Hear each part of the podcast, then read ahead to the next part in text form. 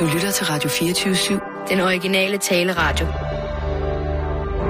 Velkommen til Bæltestedet med Simon Jul og Jan Elhøj.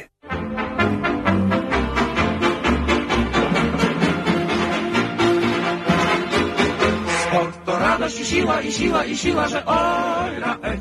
Sportowiec przy pracy przegoni, przegoni od choćby trzech. Tak jasne jak habry, jak habry, jak habry ma ślepia dwa. Solo wesolo i hop, la la.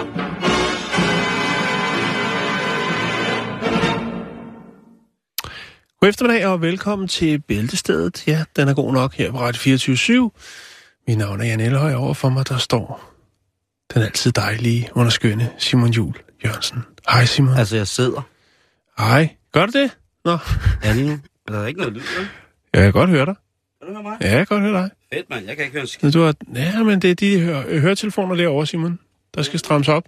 Jeg, Nogen burde klage. Jeg ved ikke rigtig, hvem der skal gøre det egentlig. det her klager jeg sgu ikke. Nej, det skal du heller ikke gøre.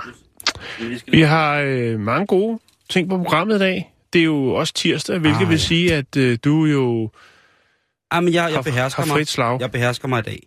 Det må jeg indrømme. Jeg har ikke så meget af den øh, karakter, hvor vi skal bevæge os øh, under bæltestedet for mit vedkommende, men jeg ved, at du vil kigge dig ned et par gange i løbet af programmet. Så er Ja. man advaret, og øh, Har man lyst til noget andet, jamen så går du jo gå lige gå ud og øh, bage en, øh, bage en tærte eller et eller andet. det kan man også. Nu skal du høre her, Jan. Vi skal starte i øh, en verden, som øh, for, øh, for mig er lidt ny og spændende. Ja. Det er, det er noget med de her sådan, øh, Emojis. emojis, som vi jo har snakket lidt om. Jamen, det har vi, fordi de jo... Det, jeg kender ikke så mange af dem. Lad mig sige det på den måde. Jeg er ikke, ikke den store... Øh, hvad hedder det? Sådan, jeg, jeg sender gerne øh, ting, som jeg ikke ved, hvad betyder. Så, øh, så det er, hvis man får en sms fra mig, så kan der godt være øh, neglelak og russiske flag og rødvin og sådan noget. Og det, og det er egentlig bare, fordi jeg synes, de er sjove og søde. Jo, jo. Men der er jo Der er, ligesom... jo, der er jo nogle af dem, som har en som bliver, ja, der er også nogle af dem, der bliver brugt rigtig meget. Blandt andet den der, øh, Alien. Nej, den der øh, grad af grin øh, emojisen, jo som blev øh, årets ord i for, øh, hvad hedder det, Altså, den bruger jeg. hos øh, Den ved jeg, hvad betyder. Oxford Dictionary. Den Årets ved, ord. jeg, den ved jeg, hvad betyder, den bruger jeg også med glæde. Ja. Men der er jo nogle af de her emojis, som har en mere eksplicit betydning. For eksempel så kan man på sin mobiltelefon finde en aubergine, Ja, en eggplant, altså den her lille og, og hvad skulle den have af undertoner, tænker Jamen, den har jo i sin naturlige form en øh, antydning eller et antrit af måske en fallers. Ja, jo, men så kan man jo, Mm. så kan man jo blive ved. Men lige den, den har Og så er der noget. øh, ikonet med, med munden. Altså den der kyssemund, sådan let åbne mund. Ja. Meget læbestiftagtig Rolling Stones mund. Ja, Og så er der jo så også de her tre dråber vand, som jeg jo i et væk sender til folk, hvis jeg ønsker, at de får, en, får noget regn. Men hvis man for eksempel sætter den her kyssemund, auberginen og de tre dråber sammen, så kunne det jo, eller så kan det åbenbart betyde, øh, at man får en blæser. En guffer. En mundtrold. okay. Ikke? Man bliver, man bliver jotlet i kejlen. Det, øh, det er det, det kan betyde. Og det, det ser jeg jo ikke. Det, ser jeg som en, helt klart som en overfortolkning. Så kan man jo blive ved med at tænke det ene og det andet. Øh. Men okay, det er fint nok. Hvis du siger det, så må det være, fordi der er nogen, der... Det er jo ligesom i gamle dage på Facebook. Ikke? Hvis man poker folk, så betyder det, at man godt vil i lag med dem rent intimt. Og jeg har poket min far og alle min søster, og jeg, altså, jeg tænker bare, det er bare sådan en lille hej hej-agtigt, ikke? Jo, jo. Det er det jo ikke. Jeg har aldrig tænkt på det. Har du aldrig fået det at vide, at en poker, det var Jo, en... jo, jo, men jeg har ikke selv tænkt, at der var nogen undertoner, og tænkte, ja, det er fint nok, du er der, hej, hej, og Det har jeg heller ikke. Jeg har, jeg har jo øh, til tider sendt en, øh, en aubergine til venner og veninder, fordi at... Øh, nej, for, fordi det er en dejlig grøntsag. Den indgår i moussaka, og jeg kan godt lide moussaka. og så, Så- tænkte jeg, jeg sender skulle lige en, Mm. Men en. Kan du huske, SMS. kan du huske der, jamen, jeg sms'er meget om det græske køkken. Kan du huske, der var, at du havde en historie, hvor at, øh, der var nogen, der pokede rigtigt? Det er lang tid siden. hvor- Hvor... Ja, hvad var det, det var? Gamle klasse, en gammel klassekammerat, der gik hen og ringede på døren hos øh, nogen, han ikke havde set i 40 år. Ja, det er rigtigt, ja. Og så var han ligesom sådan et, et, et rigtigt poke. Ja. De her, Jeg vil bare lige vise fladet. de her emojis, de er selvfølgelig også gået fra den digitale, det digitale medie over til virkeligheden. Så nu er der et firma, der specialiserer sig i at levere de her øh, emojis real life i, øh, altså på adresser. Sende simpelthen ting. Altså, så man Så så for kan eksempel, bestille at- en aubergine. For eksempel, hvis det nu er, at man sidder på kontoret, det kan være, at man sidder på kontoret nu, og kigger over på, øh, på ham fra regnskab og tænker, Wow. hold da op et stykke mandfolk, der sætter det over. Ja. og bare banker igennem på Excel. Hvis man sidder der, og så tænker man, skulle man sende, skulle man være fræk og lige sende en aubergine, som sådan en indbydelse til, kommer du over og knæpper mig fuldstændig stumper stykker her i løbet af aftenen, inden der er X-Factor rerun på DR. Så øh, i stedet for det, så kunne man være lidt creative. Og så kunne man få fat i det her firma, som øh, helt anonymt leverer real-life images. Det koster omkring øh, 7 dollars. Hvad For- for en aubergine? En, en 50'er eller sådan noget, ikke? Øhm, og der kan man altså få øh, leveret en aubergine, eller en banan, eller en ananas. Og ananasen, den er helt, der er helt udforstående. Der er jo ikke nogen, der ønsker at på den måde korpulere med en ananas. Nej, men den, øh, den kan altså... Øh, lad mig sige det på en pæn måde. Den kan det modsatte af, hvad Aspars kan gøre for de nedre regioner. Okay, det er sandheden, du siger. Ja. Så, øh, så, så hvis det er, så kan man altså øh, skynde sig og få lov til at... Øh, og, Men, og, men helt ærligt, så, altså... Hvad så? Så kunne man, øh, så kunne man jo bare bestille sådan en, øh, en øh, grøntsagskurv fra årstiderne, og så kan folk selv tolke, hvad det er, man egentlig har, har tænkt sig at gøre ved dem. det? det er rigtigt. Hvis man er... Øh, hvis man er vild med det her, så kan du gå ind på det, der hedder Eggplant Mail. Øh, og så kan du få lov til at se, om du... Altså indtil videre kan jeg kun se øh, for så vidt, at de leverer øh, i øh, USA, faktisk nærmere i New York. Men ja. det er jo tiltag. Det er jo tiltag, som alle andre, hvis man vil lave real-life emojis. Altså, den her, den er jo gratis. Nu sagde du årstiderne, for eksempel, ikke? Man kunne jo lave, altså årstiderne, jeg ved, I lytter med, I kunne jo lave den, øh, den, frække, den frække kurv. Den frække kurv. Den, der bliver leveret... om- Den den, frække økokurv. den, ja, altså den, der ligesom bliver leveret fredag aften, hvor der lige er lidt ekstra vin med, måske. Det kunne være, eller nogle shots. Og så, øh, så en helt handske af aubergine. Jeg ved det ikke. Jeg øh, forstår ikke shots. Nej, det, det, er også, øh, det, øh, det, er også, øh, det er også det meget. Men i hvert fald, øh, nu ved I det, at øh, real-life emojis kan også blive sendt til dig. Så hvis du en dag får en aubergine i posten, så er det ikke fordi, der er nogen, der prøver at terrorisere dit liv som kødæder, så er det bare Nej. fordi, at der er nogen, der godt kan lide dig, og synes, du trænger til en jamen- lille smule aubergine. Ja, eller en emojis salat. En emojis salat. Ja, du ved, Med lidt ananas og lidt aubergine, der er hakket i små stykker. Og... Kan jeg vide, hvad man så skulle gøre, hvis man fik en, sådan, en helt skål baba ganoush ind ad døren? Aubergine mos. Nå, men nu ved og I det er jo også forskelligt, hvordan folk de tolker det. Altså, Ja, det, det kan godt være, at der sidder en nu, og du med knust hjerte, fordi du bare har sendt auberginer i stride strømme via sms. Og så fortæller jeg ikke, ved, hvad det, hvad, hvad det handler om. Ved, det kan sgu godt være. Nå, det er, det er en af de mærkeligste ting, jeg har hørt i, i lange tider, det der. Men altså, Real life emojis, det, ja, det er sgu vejen frem. IRL. Yes. Nå, nu skal du høre her, Simon. Vi, øh, vi skal til Atlanta, og vi skal snakke om øh, indbyggerne i, øh, i Atlanta.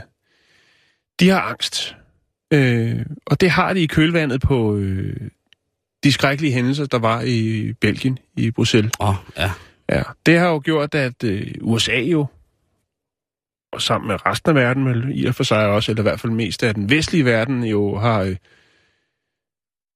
skruet lidt op for alarmberedskabet. Jo, det må man sige. Og øh, det har jo så gjort, at de vågne borgere rundt omkring i Atlanta, de jo holder lidt mere øje med, hvad der foregår på gader og stræder. Og øh, det er jo noget, de er blevet opfordret til via medierne, at øh, FBI og andre instanser jo har været ude og sige, øh, ser I noget? Altså lidt ligesom Ekstrabladet ser ikke. Ser I noget derude, ikke? Skriv ind med et godt tip. Tjen 1000 kroner. Ja, det er det så ikke her. Der er det bare for at ligesom gøre, gøre noget godt, ikke? Ja, ja, Ja. ja. For at være tror en del af samfundet. Men øh, nu har en øh, højtstående FBI-embedsmand, eller skulle man sige kvinde, for det er hun nemlig, været ude i medierne og sige, prøv at høre, I skal simpelthen holde op med at kime os ned, fordi at vi får rigtig mange tips, øh, men det er overhovedet ikke noget, der hjælper vores ef- efterforskere noget som helst. Det er fuldstændig ligegyldige øh, tips. Øhm, folk er selvfølgelig øh, mere observante, og det er jo kun godt, men, men det, der kommer ind, det er simpelthen noget, der ikke kan bruges til noget, Simon. Øhm, Hvad altså, hvad, undskyld, jeg spørger, men hvad ringer, ved du, hvad folk ringer ja, men med? så kan det være noget... Ah, min kat har fire ben! Så kan det Den være... er terrorist! Så kan det være noget omkring, at man har en nabo måske, der har en anden etnicitet, øh, som måske Nej, nej, øh, nej. foretager noget. Det kunne være, at personen Ja. måske handler to gange om dagen, går ind med en masse brune papirsposer, og det lige pludselig bliver til mistænkelig adfærd. Øh, blot for Ej. at konstatere to dage efter, måske er, fordi de vil arrangere en større fødselsdag. Det kunne også være, at øh, naboen observerer, at der er lige lovligt mange gæster inde i nabohuset. Det kunne måske også være et tegn, nu når der regner sådan en Ser man lidt mellemøstlig ud, så skal man ikke øh, færdiges mere end to af gangen. Vi er jo tilbage i hiphop-problematikken fra 90'erne. Hvis der går fire mennesker, der har poset bukser på, så er de også kniv. Så er det en bande her, og så går de med kniv. Øhm, og det, altså, de takker selvfølgelig for det, men siger, prøv at der, der skal være lidt mere kød på det. Og det er altså sådan, så folk har været så langt fremme, når de har ringet ind, så de sagt, prøv at høre, I er nødt til at tro på mig, der foregår noget derinde. Jeg vil meget gerne stille mit, øh, mit vindue og min lejlighed til rådighed, I så I kan komme og observere. Mm. Altså, så vi er helt derude. Men nu går det altså ud og siger, prøv at høre, vi, øh, vi takker for, øh, for, øh, for opmærksomheden, men øh, der, må godt, hjælpen. der må godt være lidt mere kød øh, på tingene. Lidt Ja. mere konkret end bare, at der er en, øh, en mellemøstlig person, som øh, forlader sit hjem for at køre på arbejde. Men det er Øh, også svært, Jan. Måske iført vest, skal ud og fiske og tænker, hold da op, Ja. det er ikke fiskeblink. Det er ikke fiskeblink, det der. Nå, nej. Nej. Al- Altså, hvis folk tager på jagt, ikke? Jo, lige præcis. Jamen, det kan, der kan være alt muligt. Ja, Men altså, alt hvis man vil have paranoia, så kan man sagtens få det. Man jo, kan bare øh, kigge rundt. Og, altså, ja, okay, du bare Men nu er de altså ude. Nu er de ude og sige, prøv at høre, øh, ro på nu. Lad os få noget, med lidt mere, noget der er lidt mere konkret og noget, noget med mere kød på. Ja, det er jo også noget, man bør, man bør snakke om, ikke? Altså, det er sikkert et svært fag i skolen at gå ind i, men øh, da, jeg havde, da jeg gik i folkeren, der. Ja. havde man et, øh, et fag, der hed samfundsfag. Ja. Og det gik jo altså ud på, at man skulle lære om gørn og laden i verden omkring os. Eller verdens gørn og laden omkring os, kan man sige, ikke? Jo. Og der vil det jo være, jeg tror i dag, øh, måske smart at snakke om, hvor bange man egentlig skulle være for det her. Og øh, er det på sin plads at fortælle, at øh, altså, jeg, det her det er sådan noget med, at, hvor at børn bliver magiske, ikke? Jo. Hvor børn jo har en stor, stor magi i forhold til sandheds, øh, sandhedssnak. Og der øh, var jeg sammen med nogle venner her i påsken. Øh, nej, det var lige før. Som altså har en knægt på syv.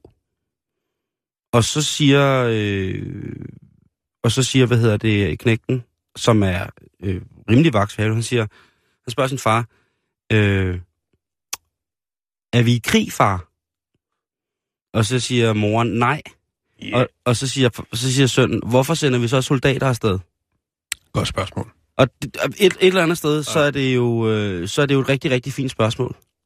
Fordi han ligesom er, er, er, har observeret det der med, at, øh, at øh, onkel Bo, han skal altså i krig. Og hvis onkel Bo, hvorfor er onkel Bo i krig, Hvis der øh, ikke er krig. hvis der ikke er krig? Ja, Hvis Danmark ikke er i krig, hvorfor skal onkel Bo så i krig? præcis. Og, og der, øh, der var det der, jeg gik ud og fik en dejlig cigaret, fordi at, øh, den der samtale, den var jo... Øh, der var den der stillhed, der kan være mellem øh, forældre, når børn siger sandheder. Ja. Og, øh, og jeg, jeg vil jo sige, at, øh, at det var et fantastisk spørgsmål, der blev stillet af en syvårig knægt. Og det kan man jo tage, tage med i skolen. Jeg Mm. gad vide, hvad skolelærerne siger, når de spørger, øh, er vi i krig? Og der er jo helt vildt mange unger, som har forældre i krig, ikke? Jo. Og hvad fortæller man sådan nogle? Jeg synes, det, jeg synes, det er meget svært, øh, og øh, igen, øh, Jo. jeg beundrer der alle de folk, som mener, at øh, det er deres lod at skulle, øh, skulle træde i kongens klæder, og på den måde forsvare mm. øh, et eller andet. Men man kan jo sige, at angst skaber generalisering, måske, Ja, i det tilfælde. angst skaber generalisering, og generalisering, det skaber selvfølgelig. Angst. Kæft, hvor er vi gode, Ej, ja, det er vildt. Ja. Ja, Men nu det er skal vi godt. snakke om noget, som har noget med, med, med os. Og nu skal vi tilbage på jorden igen. Fordi jeg er, skizo- jeg er skizofren. Ja, tillykke med det. Tak. Øhm, og jeg Hvad, kan lide... hvordan har du... Jamen, altså, det det, er... jo ikke noget at spøge med. Det er jo en, ganske forfærdelig lidelse at have. Jo, Jo. men, øh, men det Øh. er en øh, nyt studie, som er publiceret i tidsskriftet Consciousness of Cognition. Ja. Og i, øhm, i den, der står der, at øh, folk, som kan kilde sig selv, de er skizofrene. Altså, kilde sig selv, så de griner. Altså, eller kilde sig selv, så det kilder, ikke? Altså Jo. på, under foden, som man får grineflip. Ja. Øhm, Men Fordi det er sådan, Jan, og det her, det, at de fleste mennesker kan ikke kilde Den sig er selv. næsten lige så dum som det der med, at hvis man er homoseksuel, så kan man, øh, eller i tvivl, så kan man tjekke, om man kan fløjte. Har du aldrig hørt den? Der er ikke Nej. noget at komme efter. Nej. Der har jeg faktisk hørt, øh, jeg tror, det var øh, Uffe Bukhardt, som, som nævnte i et, i et øh, radioprogram. Øh, og der var der faktisk nogen, der sad og fløjte, og han kan ikke fløjte. Det, altså, jeg tænker, den er lige så langt ude som, som, som den der. Men jeg glæder mig til at høre, hvad det går ud på, Simon. Kan jeg at man kunne fløjte, inden han fik lavet læber? Det ved man ikke. Nå, jeg elsker Uffe. De, Ja, det gør jeg også. faktisk, Altså ikke på den måde, Nej, det gør jeg ikke. Seriøst. De fleste mennesker, de kan jo altså så åbenbart ikke kilde sig selv. Øh, Jeg ved ikke, hvor mange, der har prøvet det, men det, det er åbenbart noget... Det virker ikke øh, rigtigt, vel? Nej, fordi det er hjernen, den kan forudse de sensoriske konsekvenser af vores egne handlinger. Og det er jo meget godt, kan man sige. Og det øh, er i langt de fleste tilfælde forholdsvis nyttigt. Ja. Øhm, men vores hjerner, altså skal vi være glade for at netop øh, reagere på den her måde, men ikke alles hjerner er indrettet på lige præcis den her måde, Jan. Og nogle studier har vist, at skizofrene patienter godt kan kilde sig selv, da deres hjerner ikke kan regne ud konsekvenserne af deres handlinger. Der tror jeg, man er ramt af den diagnostisering ret voldsomt, eller man er plaget af det voldsomt. Det er franske psykologer, som har brygget videre på de her resultater, og øh, vist, at psykisk raske mennesker med personlighedstræk som skizofrene også kan kilde sig selv. Her gentager jeg altså, psykisk raske mennesker med personlighedstræk som skizofrene kan også kilde sig selv. Og øh, Anne-Laure øh, Anne Lemadrin, som øh, er professor i det, ved det her studie, hun siger, at, øh, at sådan en undersøgelse her, fordi man tænker, hvorfor kan det egentlig, altså hvorfor skal vi gå rundt og kilde os selv for at tjekke vores, øh, vores psyke? Og hun siger, at det her med de skizofrene symptomer på normale mennesker, det har en unormal, subjektiv oplevelse af bevidst handling. Og det kan altså gøres klogere på øh, illusionerne af kontrol, som skizofrene mennesker jo opdager, altså personlighedsspaltningen. Forskerne, de franske forskere, de har testet 397 studerende for personlighedstræk, der associeres til skizofreni. Altså ikke en skizofreni i lys lue, men altså personlighedstræk, der kunne øh, associeres med det. Og øh, i den, den spørgeomgang, eller den øh, rundspørg, jamen der bliver de øh, adspurgt og spurgt om fantasi, paranoia for eksempel. For eksempel bliver større spørgsmål stillet, hvor ofte hører du en stemme sige dine tanker højt? Mm-hmm. Og øh, af alle de 397 studerende, der var der ingen af dem, der før havde haft en psykisk diagnose. Men der var alligevel 27, som scorede højt i den her test i forhold til at ligesom skulle være skizofrene, eller har de måske en diagnose. Og de her 27, de deltog så i en såkaldt kildeundersøgelse. Og øh, en kildeundersøgelse, det er simpelthen lige præcis, hvad det er. Ja. Der bliver, man, øh, der bliver de kildet både på armen, på en børste, eller med en børste, og så af dem selv. Og øh, de studerende, som havde flest skizofrene personlighedstræk, de fandt selvkilderiet mere kildende end normalt studerende. er vildt. Og de synes også, at kilderiet kildede præcis lige så meget, når de selv gjorde det, som når forskerne gjorde det. Er, altså, er det en april snart, der er kommet før tid? Jeg ved det ikke, men Selvgjort og velgjort. selvgjort og velgjort. Og jeg tænker bare, fordi jeg kan godt kilde mig selv under fødderne, så jeg griner. Det tror jeg sgu ikke, jeg kan. Stop. Jeg kilder mig for armen. Det kilder. Så, så tydeligvis, så har jeg et skizofren anlæg. Ja. Og måske, altså... Jeg har ikke nogen stemmer, der taler til mig. Nej. Det har jeg. Altså, jeg har ikke nogen, der for, nogen stemmer, der fortæller, hvad jeg tænker højt. Nogle gange, så kan det være mig selv, der tænker højt. Mm-hmm. Og det er selvfølgelig både til gene for mig selv og mine omgivelser. Ikke mindst for mine omgivelser, eftersom at jeg langt det meste af tiden har en helt en sindssygt beskidt tankegang. Så det er jo ikke fedt at stå og handle, og så lige pludselig komme til at tænke, øh, tænke højt, mens man er ved at købe mellemlægspapir og, øh, og en toiletbørste. Men under alle omstændigheder, så synes jeg, det er sjovt, hvis det kan hjælpe nogen det her. Øhm, og det er jo, altså igen, den gamle sang om... Øhm, Så man kan lige prøve nu, og så kan man finde ud af, om man er altså muligvis... Tænk på, nu sagde du det der med, at bøsser ikke kunne fløjte, ikke? Ja.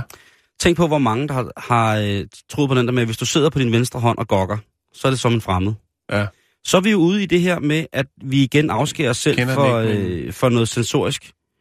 Øhm, og det, altså, jeg vil godt se den psykolog, som går ind i den her test og siger, det der, det er enormt spændende og rigtigt. Øhm, men selvfølgelig, der skal også nye og i, altså innoverende forskningsmetoder til, for ligesom jo. at kunne komme den her forfærdelige lidelse til, Ja, til og livs. det der eller hjælpe, altså- man kan jo ikke sikkert ikke komme den til livs, men hjælpe folk rigtigt, som netop har lige præcis det Ja. her. Men, men øh, altså, hvis det kan gøres så nemt, bliver der alligevel sparet en del penge på budgetter rundt omkring. Ja, nu håber jeg fandme mig ikke, at det bliver gjort så nemt, men øh, det er da interessant, at man... Øh, Jo, jo, men det er forskning, Simon, vi er nødt til at anerkende vi er nødt til, lige præcis, vi er nødt til at anerkende det. Det er noget, der til kejler.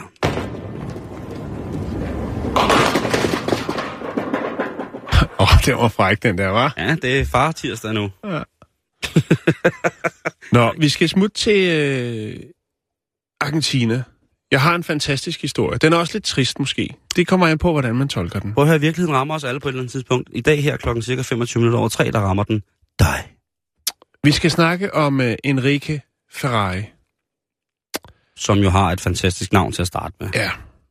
Han er en af Argentinas øh, litterære genier, som fører et øh, dobbeltliv. Ja, dobbeltliv. Nå, Øhm, han er bedre kendt som Kike. Og øh, til trods for, at han er en af de øh, bedst sælgende forfattere i Argentina, så øh, er hans øh, rigtige job, hvis man kan kalde det det, det, der betaler regningerne og maden til hans tre børn, det er, at han arbejder i øh, Buenos Aires om aftenen. Han har natrengøring på metrostationerne. Nå. Øhm, og her går han altså ned og, og sørger for, når, når trafikken er lukket ned, myldretidstrafikken osv., så, videre, så går han dernede og øh, gør rent. Øhm, han er prisbelønnet krimi-roman forfatter Simon. Mm. Og han har blevet udgivet i flere forskellige lande, men altså hans hovedindtægtskilde, eller hans hovedindtægtskilde, den kommer fra natrengøringen. Øhm, han siger ganske enkelt som det er, han kan simpelthen ikke leve af at skrive. Og det er til trods for, at han har udgivet i flere lande. Øhm, Er der en forlægger, der har knippet ham? Og taget, altså ikke på den måde, men altså Nej. har snydt ham? nej, det, det, det, det tror jeg ikke. Jeg tror simpelthen bare, det kan også være måske, at, at for at være øh, bedst sælgende i Argentina, så skal man måske kun sælge 100 eksemplarer, det ved jeg ikke. altså, det tror, jeg, det tror jeg nu ikke. Nej. Det, for, fordi, man Skal kan jeg lige sige- tjekke op på, hvad han har solgt? Der er, øh, det må du godt. Der er jo altså for eksempel i dag, kan man sige, salgstallene for at udgive en pladeudgivelse, for at få guld og platin, er jo øh, væsentligt lavere i dag, end hvad den var for 20 år siden. Så vidt jeg er orienteret. Øhm, og sådan er det jo. Så derfor kan det jo også godt være, at man er virkelig godt sælgende, til trods for et forholdsvis vagt oplag. Øhm, han er jo, altså, hvad kan man sige, det får selvfølgelig mediernes bevågenhed, at en, øh, en så anerkendt forfatter øh, har et, et helt almindeligt, hederligt job. Øh, og derfor så har han været, i en, været med i flere forskellige tv-udsendelser, radio, nyhedsindslag osv. osv. og er blevet døbt Subway Rider. Øhm, selv siger han, jamen jeg kan egentlig ikke forstå, hvorfor det overrasker folk så meget. Øh, altså fordi der er mange andre, der øh, skriver, maler, spiller musik, som også har et almen arbejde ved siden af. Mm-hmm. Øhm, så derfor så, så, så står han lidt udforstående for det. Øhm, han skiller sig måske lidt ud, kan man sige. Han, øh, han er jo, han, udover han har det her job, så er han også øh, dækket med mange øh, tatoveringer. Blandt andet har han Karl Marx på den øh, venstre arm. Øhm, han ser også lidt træt ud på de billeder, man kan finde af ham, og det er jo nok klart med, med tre børn og øh, et øh, rengøringsjob om natten, og så ud over det også skulle øh, skrive romaner, når der er, er huller til det. Jamen det, det kræver nok lidt, lidt øh, mere energi, end hvad han rent faktisk har. Men han elsker at skrive, Simon, og øh, indtil videre så har han udgivet fem romaner og to novellesamlinger. Øhm, den første, han udgav, øh, en morgåde, der hedder øh, De ligner fluer, Okay. øh, fra en afstand, tror jeg nok, den hedder oversat til dansk. Øhm, den vandt en øh, prestigefyldt øh, pris, der hedder Gijon, øh, på en øh, sådan litterær festival i Spanien, og det var tilbage i 2012. Efterfølgende, efter han fik den pris, så blev han udgivet i Frankrig, Mexico og Italien. Wow. Øh, og øh, så har han også skrevet en øh, politisk thriller, øh, som foregår i Barcelona under den spanske borgerkrig. Så han kommer, han kommer godt rundt, kan man vist godt sige. Øhm, hans første bog, skal jeg lige prøve at se, hvor det var. Det, den første bog, den øh, Operation Bukowski. lige præcis, den skrev han, øh, mens han øh, levede illegalt i USA i tre år. Åh, Øh, han blev deporteret, og da han kom hjem, så var han klar til at skrive sin øh, første roman, øh, som han havde med i bagagen hjem til, øh, til Argentina. Øh, og den udgav han i 2004. Han drømmer selvfølgelig om at rent faktisk at kunne komme til at leve af det her. Jeg kan mm. nu Mhm. ikke rigtig forstå, hvis man har, øh, altså, hvis man har skrevet så mange øh, bøger, Mm. og de er kommet ud i, i forholdsvis mange lande, så burde det jo også give noget. Men han, han siger, det, der er åbenbart ikke... Altså, hvad- vi, vi ved jo ikke, hvad han har gjort for ligesom ikke... Altså, det kan jo være, han vi er... kender det ikke kan hans være, kontraktforhold, vi, vi aner ikke, hvad hans øh, er. Og øh, man kan sige, en ting er jo at udkomme en bog, en anden ting er jo, om der rent faktisk er nogen, øh, der køber dem. Og man kan ikke leve kun af anerkendelse. Så det kan godt være, at der sidder nogle øh, kritikere rundt omkring og anmelder og tænker, det her det er fantastisk et mesterværk.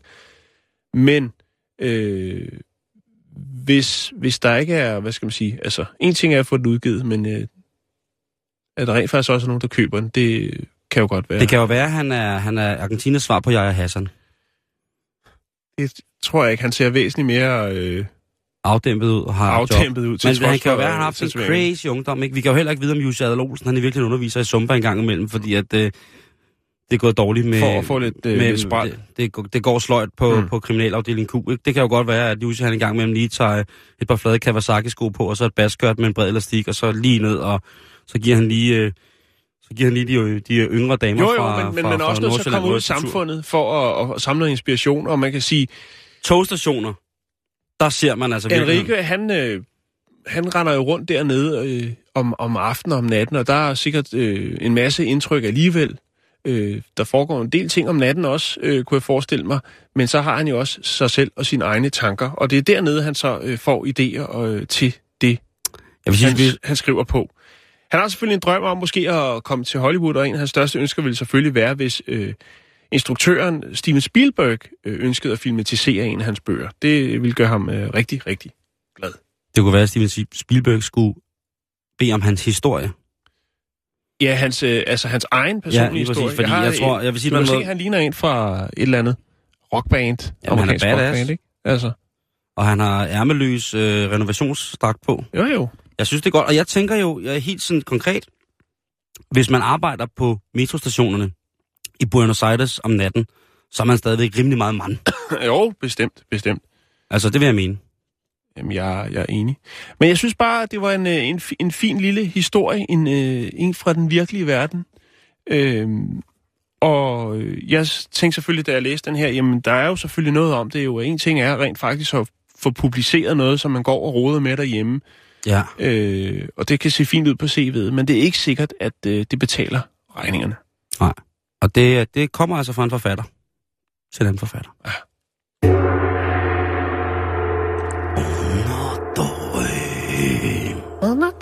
Det er ret sjovt, at man på den måde som kreativ skal, skal lide den skæbne. Hvis det er en skæbne, det kan godt være, at han synes, at øh, som sagt, at han finder øh, øh, inspiration eller, eller noget andet. Men Jan, det er jo tirsdag, så derfor...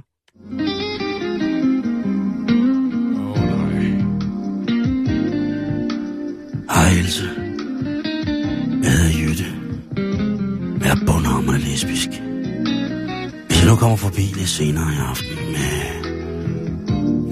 Aksel fra en gammel Ford, så skal jeg først tørkage og samle en god film. Tror du så, at vi kunne finde ud af, at øh, noget dejligt elsker? Du bare ringe. Hej hej. Yes. Vi skal bevæge, bevæge os ind på et område, hvor at, øhm, jeg synes, jeg bliver en lille smule... Jeg bliver en lille smule... Øh, sådan noget, hvad hedder sådan noget... Det er ikke et ord, jeg kender så godt, men når man bliver fortørnet over noget. Når man bliver stødt. Jeg bliver Ja. stødt. Jeg bliver stødt. Kan det, kan det overhovedet lade sig gøre? Ja, det kan støde- det faktisk. Støde dig? Og der er meget få ting, der kan det, men blandt andet så kan øh, Woman, bladet Woman, det kan altså godt støde mig en lille smule en gang mellem, Jan. Ja. Fordi at øh, jeg har fundet en artikel, som er skrevet af Miss Felicity, som skriver, sådan bliver du din kærestes foretrukne pornostjerne. Og her går jeg ud fra, at den går fra kvinde til mand. Og øhm, Fra kvinde til mar. ja, altså det er, hvordan en kvinde kan gøre, øh, få hendes mar til at føle sig som pornostjerne. Ikke også? Jo, ja, ja, ja. Sådan. Jeg er med. Øh, og det er altså fem nemme tips, som øh, du får her, som er taget fra oh my, om hvordan man skal vippe pornomodellerne af pinden. Har du en mandlig kæreste, som måske øh, hver dag du kommer hjem fra arbejde, så sidder han øh, i et bjerg af toiletpapir og helt stive sportssokker, så kunne det godt være, at øh, du skulle tage de her råd til sig. Men jeg vil godt nu gå lige igennem, fordi her der er der et råd, og nu, nu bliver det en lille smule farvefuldt, så hvis man ikke kan, hvis man ikke kan tåle det, så er det altså nu, man skal, øh, hvad hedder det, øh, gøre noget andet. Øh, her er der i hvert fald det første råd til at vippe, øh, som kvinder kan gøre, for at vippe pornostjernerne pind i forhold til deres partner. Mandlige partner, håber jeg. Fordi det første råd, det er, sut hans pik og kig ham, øh, kig på ham imens. Og der tænker jeg, skal hun så bare kigge på knæene, eller hvad, hvad bliver det til? Øh, men det er altså øh, forfatteren af artiklen her, som hedder... Kontakt. Øh, nej, fordi hun har skrevet, i stort set alle pornofilmer har jeg set en kvinde sidde på knæ og give manden et blowjob, mens hun kiggede intenst op på ham. Ja. Dette er et simpelt trick. Det er nemt for dig at kopiere. Hold gerne øjekontakten en smule længere, end du finder naturligt, eller det vil så også sige behageligt. Og din kæreste vil elske at se dybt ind i dine liderlige øjne. Det er helt sikkert, at han kigger dig ind i dine øjne. Øh, nummer to råd, hvor at kvinder kan vippe deres øh, mænds pornostjerner af pinden, det er, ros hans pik og støn højlydt. Pornomodellen siger hele tiden noget i retning af, hvor, hvor er du stor, eller det er så godt at blive knippet af din store fede pik, og så videre. Benyt dig af dirty talk. Det kan også godt blive for meget. Det vil jeg godt have lov til at sige. Ja. Jeg er glad for dirty talk, men det må godt, øh, der må godt blive behersket, øh, behersket lidt. Ja, Nå. det, jeg, nå, det kan jeg sige bagefter. Ja. Nummer tre råd, øh, hvordan, øh, så, nummer tre råd til, hvordan en kvinde kan vippe mændenes pornostjerner af pinden, det er, klæd dig ud og spil rollespil.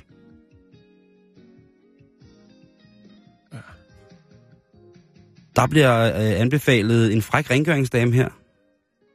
Ja, der var jo en, en ældre herre, der tilbydes uh, nøgenrengøring. Jamen, han var jo ikke klædt ud. Han er, hvis man synes, at en støvsuger det er en fræk udklædning, så er det vel også fair nok. Men øh, Jo, men altså, det er jo begrænset, at man har kreativitet. jo jo, hvis han havde ridderhjelm på og gik rundt i flad dolk og støvsuget, ikke? så er det sgu meget fedt. Men så lige vipper lædersvinget op og støvsuger ind under og siger, hov, der ligger en femmer.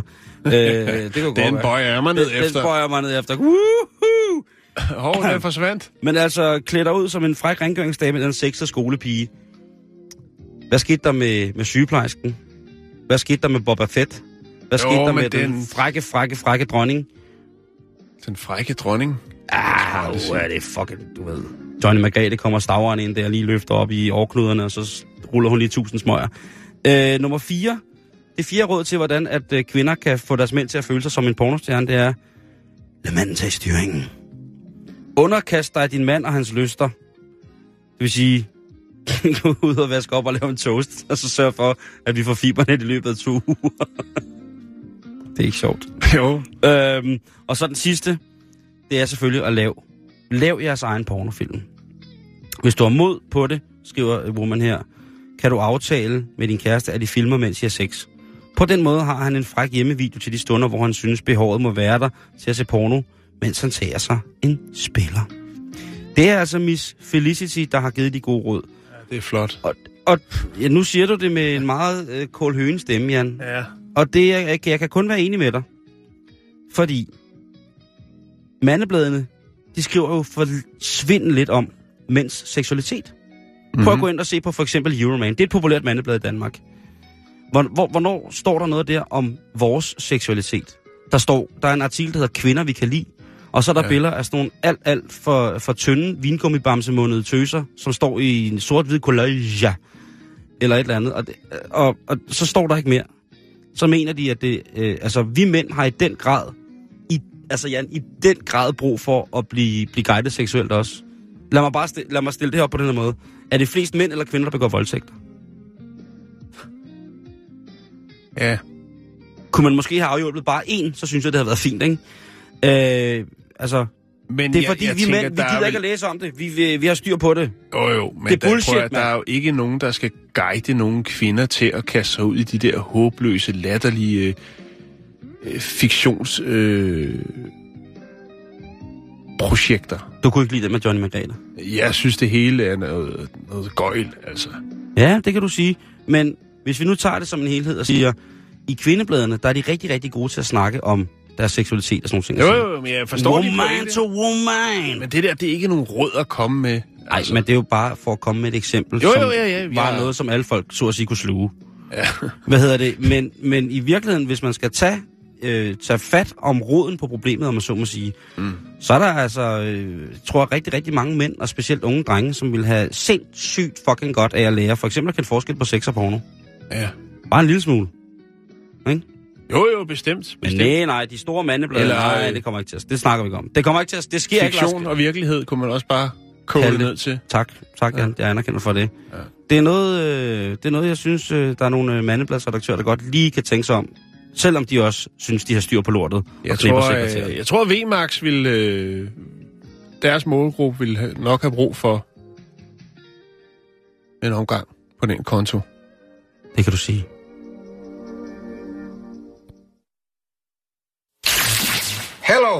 Am Yrjö Uusivirta and I'm here to tell you about solar energy. For example, we can use the heat from a person in a room through this radiator or, or lamp battery. We can use the, the body heat from a woman and a man when they're having sex. Cut! So it, but it can be more than just two persons. It can be three persons. It can be four persons. Cut. In the middle and then two. And sandwich. Sandwich, it's the name. Cut! Solenergi er godt for meget, Jan. Ja. Det er det. Nå, vi skal til Saudi-Arabien. Det er, Og- det er, fand, det er verdens skørste land. Ja, det vi, Det- vi altså vi altså er, efterhånden. Jeg, ja. jeg har både været i Nordkorea og Saudi-Arabien. Jeg skulle lige til at sige, trække Nordkorea-kortet og sige, de... Men ja, da Saudi-Arabien er... De, er- de er helt sikkert derop. Ja, Er du galt en koger, mand? ja. Nå, Og, hvad sker der i... Øh, Nu skal i, du høre her. En gammel. saudiarabisk mand er blevet anholdt for at flage med regnbueflaget på sin matrikel. Altså, altså- altså homoflaget? Homoflaget, ja. Eller LBGT, BBGG, LGB. LGBT. Ja. Ja, flaget. Det øh, hejste han hjemme på matriklen i Jeddah. Og øh, Hvor er han sej. Vidste han, hvad det betød? Eller nu? Det får du Okay, okay. Øh, manden er læge, og øh, han blev altså anholdt for at, at hive det her flag op. Øh, efter sine så havde han ingen idé om, hvad flaget repræsenterede. Øh, han havde købt det online, øh, og han havde købt det, fordi hans børn synes, at det var et super, super smukt flag med alle de farver. Og øh, jamen, hvis børnene ønsker noget, så skal de også have det. Så det var selvfølgelig med stor begejstring, at det om, øh, ankom via via post, og efterfølgende blev hejst op i flagstangen.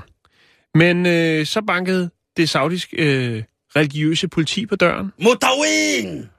og øh, anholdt manden. De troede selvfølgelig, at øh, der var et budskab eller lidt drillerier i luften. Det kunne også godt være, at der foregik noget, som ville være meget upassende i Saudi-Arabien, fordi at øh, homoseksualitet er jo strengt forbudt i den øh, stærkt konservative, øh, det stærkt konservative kongerige dernede, Mm-hmm. og straffes faktisk med døden. Ja, det Så man kan jo sige, det er jo en form for selvmordserklæring, eller øh, øh, ja, Ja, det er det jo. selvmordserklæringer og, Ja. og hejst. Øh, Hejste regnbueflagflag. ja. Øh, men historien gik viralt, og øh, det viste sig så også, efter han fik uddybet ligesom hele historien bagved, at øh, han jo blot var uvidende omkring signalerne, signalværdien i flaget, og blev efterfølgende, selvfølgelig med en skarp reprimande, efter øh, løsladt af det religiøse politi. Alene ordet religiøs politi er jo virkelig Jo, men det var jo også dem, der bortviste fire mænd fra en musikfestival i øh, Saudi-Arabien, fordi Mhm. mm-hmm. de var for smukke. Ja. De opbildede simpelthen Ja. ja. til, til, til lyst under burkanen. Ja, og der var jo også øh, ham, øh, den saudiarabiske skuespiller, som jo blev anholdt, fordi at han var gået ind i shoppingcenter for at købe nogle ting, og øh, så blev han spottet af nogle kvindelige fans, som ville have taget billeder med ham, og så skulle han anholdes. Så der foregår altså noget dernede, men jeg er da glad for, at manden, han, øh, han øh, slap uden, øh, ja, måske dødsstraf, men øh, jeg tænker også, at det jo på en eller anden måde kan vise omverdenen, hvad det er, der foregår dernede, men samtidig måske også i Saudi-Arabien kan skabe lidt fokus på, hvad det er, der egentlig foregår dernede. Regnbueflaget, det har jo nogle forskellige betydninger rundt omkring i verden, og det er jo faktisk ikke noget nyt. Altså helt tilbage fra vores øh, fortælling, vores bibelske fortælling om Nora, hvor at øh, Gud han skaber regnbuen for at fortælle Nora, at hey homie, nu har du bygget den her fucking jolle med alle de her dyr på og sådan nogle ting, altså der skal muse ud, det er forfærdeligt. Dyrenes, øh, hvad hedder det, dyrenes beskyttelse ville have korset sig, hvis de så der sådan nogle ting, altså øh, nu har jeg smidt lige en regnbue på himlen, så kan du se den som et symbol på, at jeg skal nok lade være med at oversvømme jorden igen. Sådan lige pt. Øhm, det kommer til at ske omkring øh, nogle tusind år efter, så fucker mennesket det selv op, og så oversvømmer det lortet selv. Så indtil videre, hey. Men faktisk så var det sådan, at øh, den øh, tyske reformist, øh, hvad hedder det, øh, Thomas Mønster, han, øh, han var en mand, som øh, nogle gange blev portrætteret med, eller han bliver portrætteret med det regnbuefarvede flag i hånden, fordi han ligesom øh, stod op for for, ja, hvad kan man sige, nogle gode fælles værdier mm. i forhold til, til det her. Og så har det forskellige betydelse, øh, betydet, hvad hedder, betydning over, øh, over, hvad hedder det, øh, over hele verden. Det buddhistiske flag øh, fra 1885 for eksempel, øh, som var designet på Sri Lanka i 1885, jamen øh, det har også en, øh, en ikke regnbuefarvet øh, ting, men, men, men inspirationen kan være der, kan man se her. Ja. Øh, det har jeg aldrig set før, det flag. Det er super smukt i virkeligheden. Men, øh, men i dag, der er vi jo nok øh, alle sammen inde på at vide, at øh, det regnbuefarvede flag, det er et symbol for, øh, for de mennesker, som øh, er enten lesbiske, eller bøsser, eller transkønnet. Og øh, jeg synes jo stadigvæk, det er en af de smukkeste flag i verden at se stort. Det er regnbueflaget. På mange måder. Så stakkels mand. Men øh, nu ved han det. Ja. Altså nu ved han det. Og alt er godt. Ja så godt. Det er vigtigt. Og alligevel igen, det giver måske et lille plus i Saudi-bogen. Fra vores side? Ja, for mig giver det i ja, hvert fald, at, at ja. han blev tilgivet der. Og det kan jo også godt være, at det selvfølgelig bare er en, en dækhistorie. Men øh, som sagt, jeg er jo skizofren. Øh,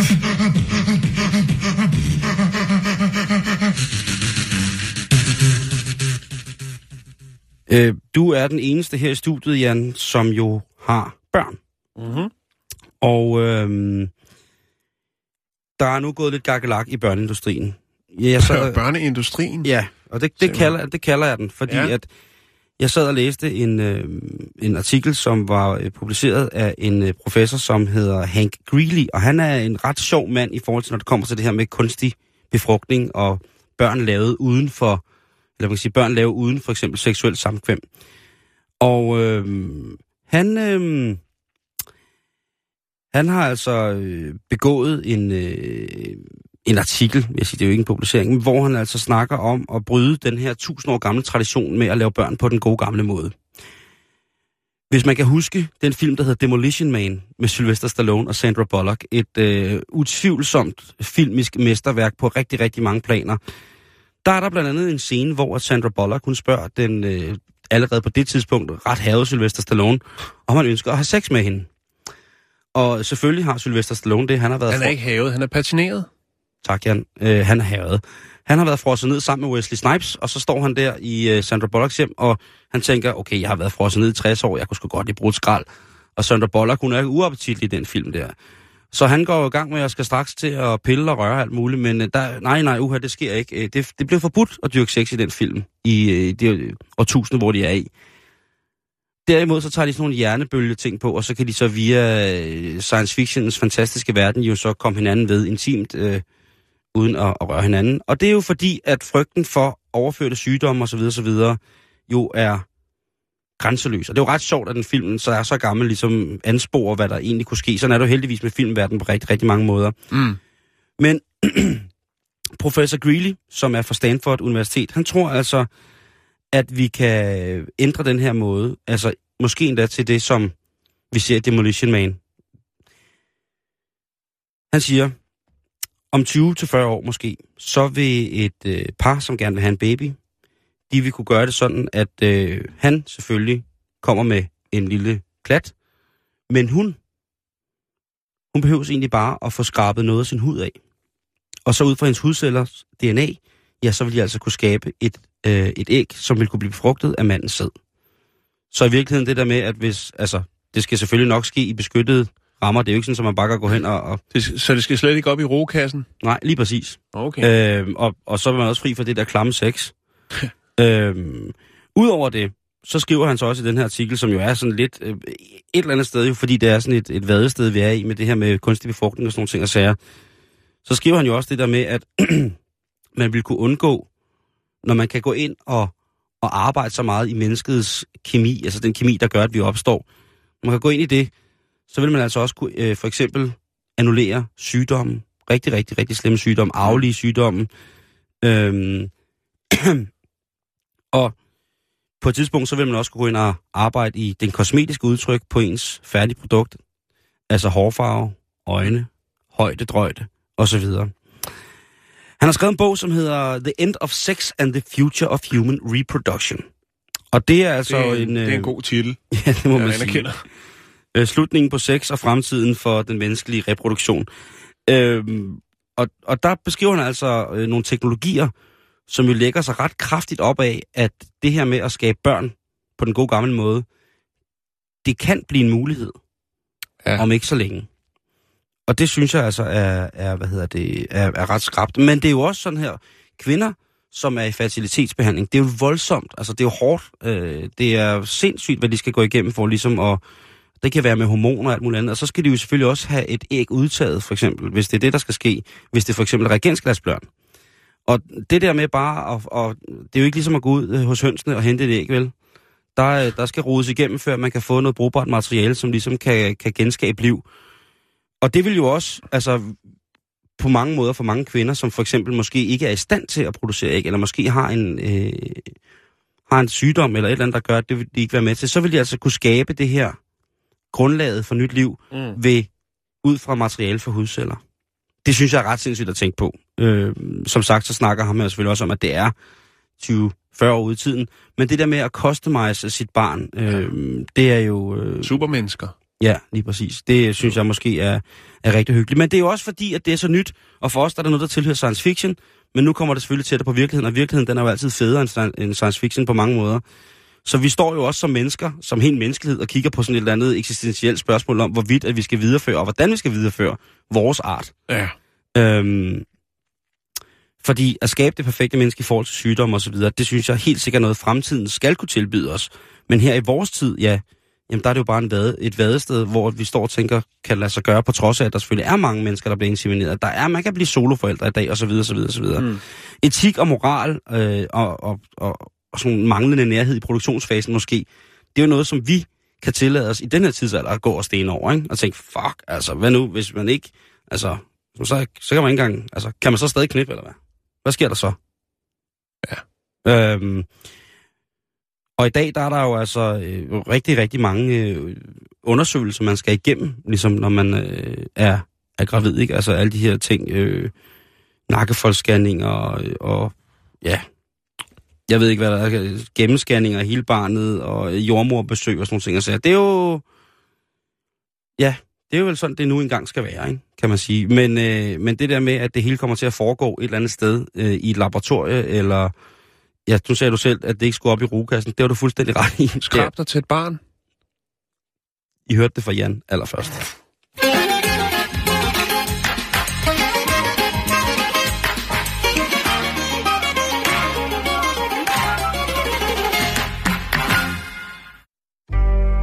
Ja, Simon, så skal vi lige til Kina, inden vi slutter af for i dag. Det var da dejligt. Ja, vi skal. Vi skal snakke om en øh, tragisk legetøjsbilsulykke. En hvad for en? En tragisk legetøjsbilsulykke. Åh oh, nej, Ja. det er ikke nogen, der har haft en legetøjsbil et eller andet sted. Øh, nej, det er det ikke. Det er Nå, ikke noget med okay. nogen, der har Nej. prøvet at køre en, en lille... En helt Lego-brandbil op i Nej, en brun garage. Nej, Nej, okay, fint. det er det ikke. Godt. Øh, jeg, har, fu- jeg har fundet nogle videooptagelser på nettet, øh, hvor man ser øh, efterfølgerne af, eller efterspillet af en kollision men, mellem en, øh, en voksen kvinde og et øh, to til tre årig barn, der fører en øh, lille øh, legetøjsbil, altså sådan en af de her sådan, med øh, eldrevet motor i. Det ligner lidt sådan Mercedes-Benz øh, SLK, altså en lille rap åben spoutsvogn, hvor øh, så det lille barn til synlædende har påkørt denne her lidt øh, ja, middelalderne kvinde. Øh, og hun sidder så på jorden foran og klager over, at hun har ondt i sin ben. Og ved siden af står der så en mor og et barn på to til tre år. Er det forsikringsvindel? Øh, Er det dem, der, der kaster ud ud for en bil, der holder stille? Og så, og... der, der er mange... Au, Øh, au, altså, der er ikke nogen øh, synlige brud. Og der er også mange, der siger, at det her, det er jo bare endnu et scam. Det er et nyt tiltag. Vi har jo en voksende Vanvidsbørnebilister. middelklasse i Kina, jo, Mm, mm, mm, øh, som mm. giver børnene øh, det, de ønsker. Og hvis øh, den lille pige ønsker sig en Mercedes-Benz øh, SLK, en lille etpersoners øh, sportsvogn, hun kan køre i, på, mod, øh, undskyld, på øh, fortoget, så skal hun da have det. Jo, jo. Det er ligesom Frederiksberg. Og øh, det, der kræves jo ikke kørekort til den slags øh, køretøjer. De har nok en tophastighed på 10-15 km i timen. Ah, men det gør stadig ondt. Det gør stadig ondt, og det er derfor, at kvinden sidder ned. Det, der er i det, Simon, det, sådan er det åbenbart også i Rusland, fordi jeg, efter jeg fandt, øh, så går jeg lidt rundt på nettet, fandt de her, og der skal jeg nok lægge op, for det er god underholdning, de her folk i, i, i Kina, som kaster sig håbløst ud foran biler, også selvom de bremser, kaster de sig op på køleren og lader som om, øh, At de er og blevet... det, det, der er i det, det er faktisk sådan, at øh, det som regel er sådan, at, at øh, de folk, der bliver kørt ned, dem, der kommer til skade ved at blive påkørt af en bil, der hæfter øh, føreren, så vidt jeg kan se, altså økonomisk resten af livet for øh, den til skadekommende. Altså, de skal have kompensation for oh. de skader, de nu har fået. Oh. Det lyder vildt. Ja, det, det, Øh, og det så jeg faktisk også, sådan kan det også godt øh, være i Rusland. Det vil sige, at man er rigtig dårligt stillet som bilist, hvis der er en eller anden, der... jo, men man altså, kan... En ting er jo så, at man, man ved et uheld kan ramme nogen, og så er det jo, jeg går også ud fra, at man kan tegne sig en god forsikring, så man ikke øh, skal gå og brødføde en eller anden selvfølgelig resten af livet. Men der er altså også nogen, der tænker, at der er penge i det her. Jeg har fundet film både øh, fra Rusland, men også fra Kina, hvor folk løber rundt ud på vejen og vender, til- og der kommer en bus, og der kommer en, en hurtig bil, og så prøver de at kaste, så bre- bremser folk, så kaster de sådan lidt, lidt dårligt op. Men nu er der så en ny tendens. Middelklassen, øh, børnene, de har fået... Øh, de har fået små, rappe, øh, eldrevet sportsvogne, de kører i på fortoget, og så er der altså el, øh, måske, Ældre mennesker, som kaster sig ud Som- foran dem. måske, det vides ikke. Der, er- der er delte meninger om det på nettet. Der er selvfølgelig nogen, der er for, øh, sige, oprørt over, at børn overhovedet kan få lov til at køre den slags, og så er der selvfølgelig nogen, der siger, at det er jo bare en ny tendens i, øh, i det her forsikret, øh, forsikringssvindelsprojekt, øh, projekt, Altså som børne, man øh, kaster sig ud i. børnevanvidsbilister, det er et fantastisk ord, og det vil jeg Ja. gerne øh, sætte på højde i Oxford Dictionary sammen med den grinende smiley. Jan, vi når ikke mere i dag. Nej, det gør vi ikke. Til gengæld så lige om lidt øh, efter nyhederne, så er der rapporterne øh, med Anne English. Anna English. Anna English, mm. det bliver bedre og bedre. Mm. Hej, velkommen til. Tak.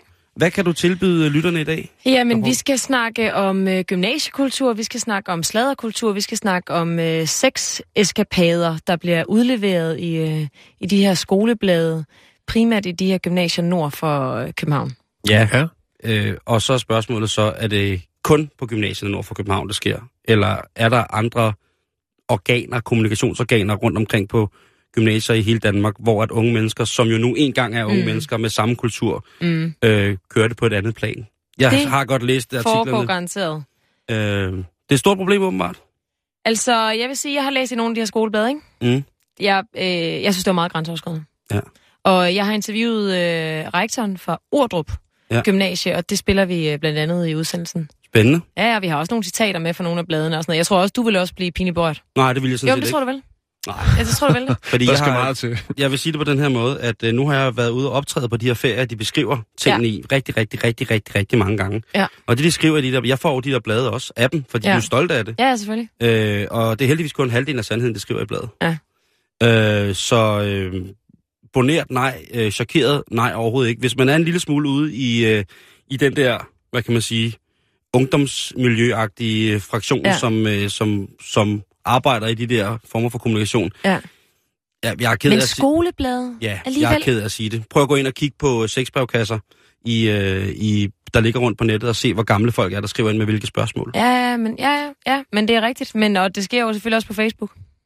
Øh, der sker det i hvert fald noget af det, men øh, heldigvis så er de unge tit og ofte desværre så meget bevidste om, at det, de gør, er forkert, så de Mm. finder nogle andre måder at gøre, og på en anden måde genere hinanden på, eller have det sjovt. På den måde er de kreative, de unge mennesker, ikke? Det er det i hvert fald. Ja. Nå, jamen det kan I høre meget mere om i rapporten om lidt. Men øh, nu kommer der